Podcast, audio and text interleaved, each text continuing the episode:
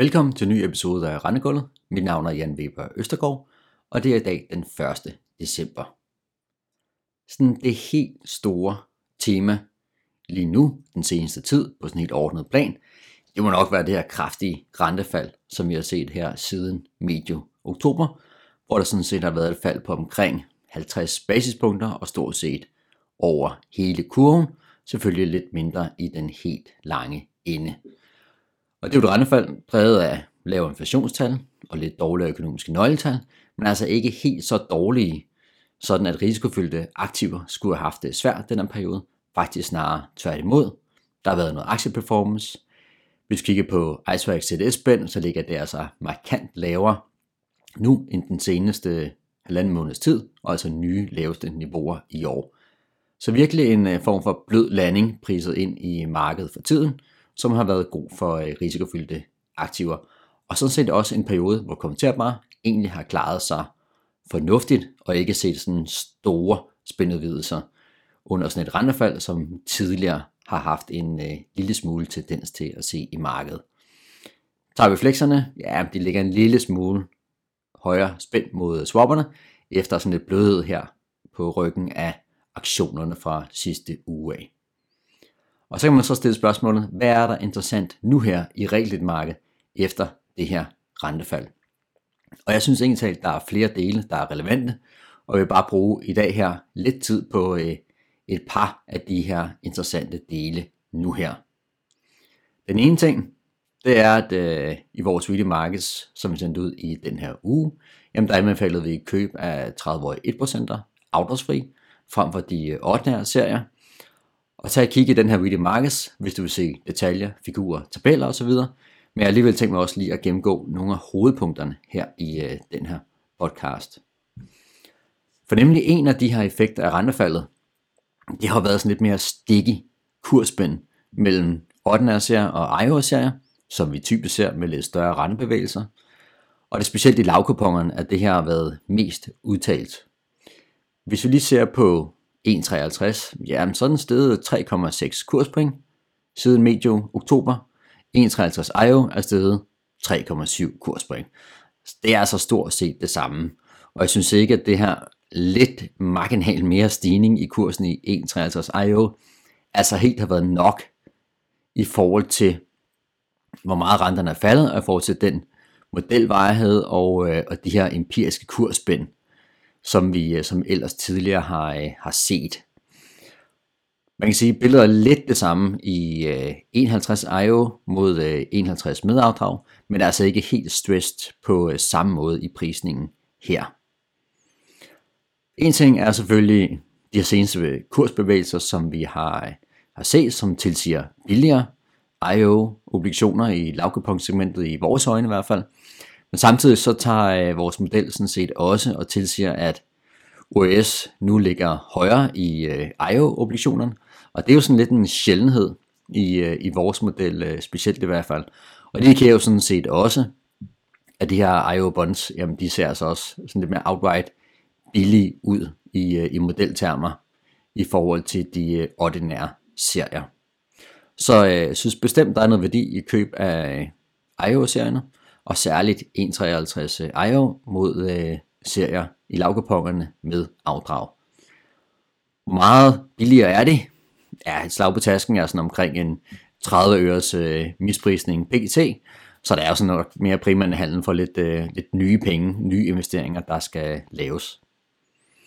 Og man siger, forventningen her er sådan set, at hvis vi skulle se et rentefald, et yderligere rentefald, jamen så burde det altså give noget indsnævring af, af kursspændet, Både fordi, ja, det burde jo sådan ske i forhold til de varighedsforskelle, der er, men også i lyset af, at der ikke rigtig er sket noget med det kursspænd under den seneste rentefald. Og når det så ikke er sket under det seneste rentefald her, jamen så kunne man også godt forvente, at hvis der skulle være rentestigninger i stedet for, jamen så ligger kursspændet måske stort set uh, uændret. Som princippet, så er du altså lidt bedre stillet i uh, øh, IO-obligationerne nu her. Udover omkring uh, pointerne omkring billig øh, kursniveau, jamen så er der sådan set også en lille smule mere carry i, øh, faktisk en del, mere carry i 1.53 øh, IO frem for de ordinære serier, og der er sådan set også tilpas meget mere til opveje den højere modelvejhed, som øh, IO'sen øh, har. Og det er altså heller ikke noget, der har været gældende i, i hele det her år i hvert fald. Og en af ting, der driver det her lidt bedre carry, jamen det er den her pull to par effekt, som er forholdsvis stor i 1.53 IO. Og en af årsagerne til, at den er forholdsvis stor, jamen det er jo, når vi har et højt kursspænd mellem den Autosway serie og serien med afdrag, jamen så det kursspænd, det skal jo indhentes inden for en forholdsvis øh, kort årrække, lige når vi sammenligner 1.53 og 1.53 IO. Så om 8 års tid cirka, så cashflowet i 1.53 IO, det vil i store træk ligne cashflowet i øh, 1.53. Så om cirka de her 8 år, jamen, så skal det her kursspænd på de her 5 kurspoint stort set være blevet øh, indhentet i 1.53 IO. Og det bidrager så til, at øh, uh, Pulsar-effekten er, er forholdsvis stor. Så jeg øh, synes egentlig, at det er en, en fornuftig kortsigtet og langsigtet trade, og skulle købe nogle uh, lavkupon afdragsfrie obligationer. Hvad der ellers sket, er sådan en relativ værdi i øh, uh, kommenterbare. En point er, at øh, 5%'erne, 30-årige, er stoppet lidt op i, øh, i kurs her på det seneste, hvor vi nu har 553 mikrotæt på kurs 100, men ikke helt brudt igennem. Og det er selvfølgelig det her mindre kurspotentiale nu givet en, en højere kurs, vores model, der er varighed BBV-tallet faldet fra 5 til cirka 4. Og skulle der ske yderligere rentefald, så skal man også forvente, at den potentielle kursgevinst, der kan være, jamen den er ikke helt vil svare til den modelvejhed, der, øh, der ligger. Husk på, at modelvejheden, jamen det er jo altid et gennemsnit af et, øh, effekten ved et rentefald og en rentestigning. Og i vores model, jamen der er der altså kun 10 basispunkter renteændring. Så kurspotentialet i de her 5%, hvis vi skulle se yderligere øh, rentefald, jamen de vil jo i høj grad afhænge af, hvornår vil det egentlig ske nogle kommenteringer, og hvor store vil de her kommenteringerne blive, men også sådan set, hvad er alternativ, alternativrenten eller afkastet i de helt korte obligationer. Så der er altså ret mange interessante betragtninger for at vurdere lidt omkring, hvad kurspotentialet er i de her 30-årige 5%. Men sådan for lige for at tage det sådan helt overordnet, jamen jeg tror også, at de her 30-årige 3% skal komme i spil lige under kurs øh, 100, og det vil altså give anledning til ret pæne kommenteringer i, øh, i 30-årige 5%. Det kan sagtens være 30% eller højere. Og laver man lidt beregninger omkring øh, sådan et scenarie, så, er det, så kan man hurtigt komme frem til et færre makskurs i 30 år 5%, i sådan et scenarie på omkring 102,5. Så meget rentefald skal der så yderligere til, for vi kommer i den her situation og rammer en makskurs i de her 30 år 5%. Ja, en ting er, at øh, der nok vil kræve et rentefald omkring 130 basepunkter bredt på øh, kurven, for at få en 356 i kurs, øh, i kurs 100. Men det er altså også givet, at der er ikke nogen ændringer i OS-niveauet. Og lige nu der er der så stadig en forholdsvis stejl OS-kurve mellem øh, 3,53 og 5,53. Ligger lige nu på 50 basepunkter forskel. Så det kan godt være, at der skal ske noget OS-udvidelse i øh, sådan nogle 3%, hvis vi ser et øh, stort rentefald. Det kan være drevet af mange forskellige faktorer. Der er også faktorer, der taler for, at spændende kunne tighten lidt. Men hvis vi tager den anden vinkel på her, jamen så, øh, så kunne man altså godt se måske, at vi i stedet for skal se et øh, rentefald på 175 basepunkter, for at modsvare lidt øh, OS udvidelse, for at få sådan 356 lige under kurs 100. Og så kan man regne en empirisk forventet varighed ud ved rentefald i 30 år 5%, og så ender vi måske omkring 1,7 til 2,2 i, øh, i varighed cirka ved et rentefald. Og det er altså en, en del under modellens BPV på de her cirka 4 pt i hvert fald. Så derfor er det måske heller ikke helt overraskende, at 5%'eren har været lidt presset her på det seneste, da den her begrænsede potentiale for yderligere gevinst ved, ved rentefald er jo blevet noget mindre. Og det har måske også haft lidt øh, positiv afsmitning på 30 og 4%. De er jo gået hen og blevet, øh, blevet dyre. Det har det været i, ikke kun i den her uge, men også lidt i sidste uge, og jeg synes også ligger lidt dyrt i forhold til 30 og 5%, Men de har trods alt noget bedre kurspotentiale, og det er jo sådan set det, der har været årsagen til at drive dem dyre her i hvert fald. Så man siger, der er så sket relativt værdimæssigt en hel del ting i øh, øh, kommenterbar den seneste tid, og det var så lige nogle af de ting, der var sket. Derudover, så synes jeg også, det er interessant lige at skulle øh, vende flexerne. Og der er det jo ret interessant, når vi kigger på den her yderligere fladning af rentekurven i den helt korte ende.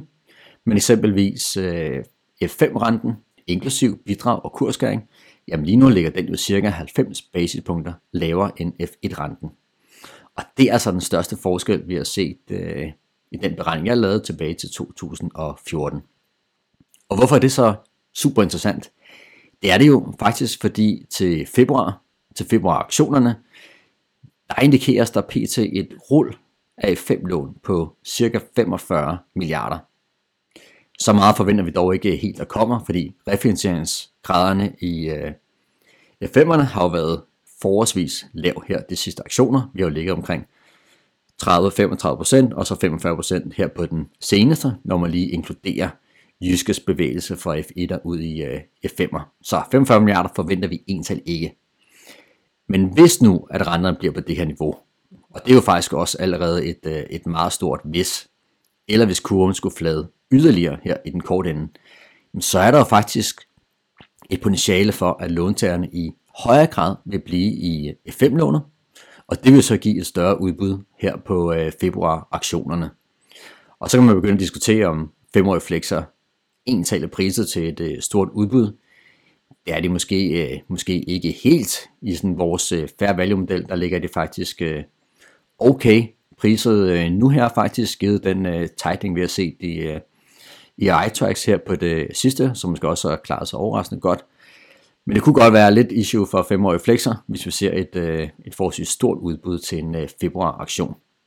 Men vi har så stadig lidt køb af femårige flexer mod øh, stater. En trade, der performede øh, ganske fint. Tabt lidt her på det sidste. Vi holder egentlig lige fast i, øh, i den her trade. Men risikoen for det her, det er jo sådan set, at der kommer et øh, større udbud end forventet på øh, februar-aktionerne. Og det vil i høj grad afhænge af renteudviklingen her den kommende tid. Men på det, der bliver vi jo lidt klogere i øh, faktisk i løbet af, af januar. RD har faktisk den øh, største klump af potentielle F5-lån. De har 27 milliarder, der potentielt skal, skal rulles. Og RD, de plejer at være ret gode til at øh, komme med et øh, ret hurtigt bud på forløbet tal for aktionsudbuddet. Og så derudover så har de jo de her ugentlige opdateringer af deres øh, forløbige flexudbud, som øh, ja, tror jeg mange sætter stor pris på. Jeg sætter i hvert fald stor pris på, at de kommer. Så der, bliver vi altså, der kan vi godt blive klogere i måske slut december og så i starten af januar på, om, øh, om der kommer rigtig mange omlægninger ud af F5 og ned i F1'er, banklån, floaterlån osv. Det må, øh, det må tiden vise i hvert fald. Hvis lige vender Jyske, jamen de har faktisk denne gang ikke særlig mange F1-lån, som skal øh, refinansieres, og derfor er der måske ikke så meget potentiale for at se nogle omlægninger fra øh, F1'er over i øh, F5-lån, så nok ikke så meget for den vinkel af, som vi jo ellers så på de aktioner, der lige er øh, overstået. Så man må sige, at niveauet af 5-årige renter, det er altså rigtig interessant at følge af flere årsager, men også specielt i forhold til sådan den relative prisning af flexerne i forhold til løbetider, med bestemt fokus på de 5-årige.